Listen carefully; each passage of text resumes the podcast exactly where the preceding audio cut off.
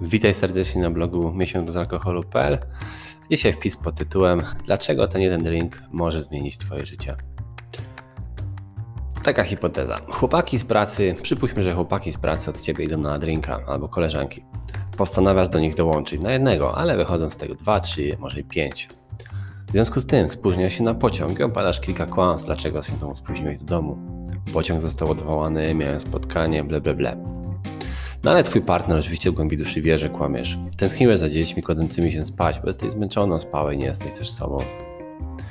Szybko zasypiasz, ale alkohol w twoim organizmie niszczy jakość snu.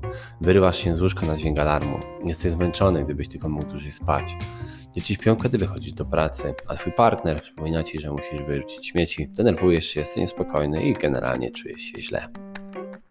Jesteś ze wszystkim do tyłu. Dzień zaczynać e, się zaczyna, ale brakuje ci motywacji, by działać. Gdybyś tylko mógł wśliznąć się za parawan bez celu surfować po sieci, chciałbyś to zrobić. Boli cię głowa, jesteś taki zmęczony, więc dlaczego cię w ogóle irytują? Wkrada się też żal, gdybyś tylko pominął kilka piw, co może by było lepiej. No ale nie jesteś zainteresowany dniem dzisiejszym. Chcesz go jak najszybciej skończyć. Tyle. Mówisz sobie, że to koniec świata. Jutro może być lepszy. Jutro wrócisz do szczytu formy. Chodzisz głodny. Unikasz sałatki, zamawiasz burgera. Chcesz spać. Przeglądasz internet, tracąc czas. To bez znaczenia, niech ten dzień się skończy. Czas, wracaj do domu. No ale chłopaki idą do pubu. Znowu. Chciałbyś pójść do domu, ale coś cię powstrzymuje. Wszystko wydaje się szare. Okej, okay, dalej wypiję tylko jednego. Wyobraź sobie tę scenę otworzoną w kółko w kółko. Jeden dzień jak dzień świstaka. A teraz inny scenariusz. Chłopaki idą do pubu, postanawiasz dołączyć do nich. Pijesz jedno piwo bezalkoholowe.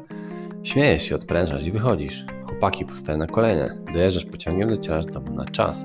Twój partner jest zachwycony, że cię widzi, a twoja córka jest jeszcze bardziej podekscytowana. Dostała cię piątkę z matmy, a ty to widzisz. Czujesz się szczęśliwy, kiedy kładziesz się spać i kładziesz dzieci do łóżka. E, jesteś też w świetnej formie fizycznej i psychicznej. Rozmawiasz, odpoczywasz ze swoim partnerem, oglądasz telewizję, dobrze śpisz. Budzisz się przed alarmem, idziesz na trening, czujesz się świeżo i lekko. Zanim wyjdziesz, pamiętasz o wyrzuceniu świeci, śmieci. Twój partner dziwi się, czy wszystko ok? Czujesz się szczęśliwy i kochany. Jest zdrowe śniadanie, jesteś w szczytowej formie i czujesz się dobrze.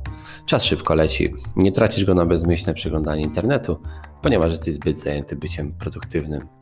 Koledzy zauważają różnicę. Walczą, ale przegrywają niestety. Żałują picia. Pamiętasz żart swojego partnera i wiadomości o swojej córce. Uśmiechasz się i czujesz emocjonalnie dobrze. Gdy wychodzisz z biura z poczuciem dumy, kumple do pubu, znowu uśmiechasz się i mówisz, a zostawiam was z tym i wracasz do chaty. Zrób sobie przerwę. Jeśli ta historia przemawia do ciebie, zapraszam cię do wyzwania.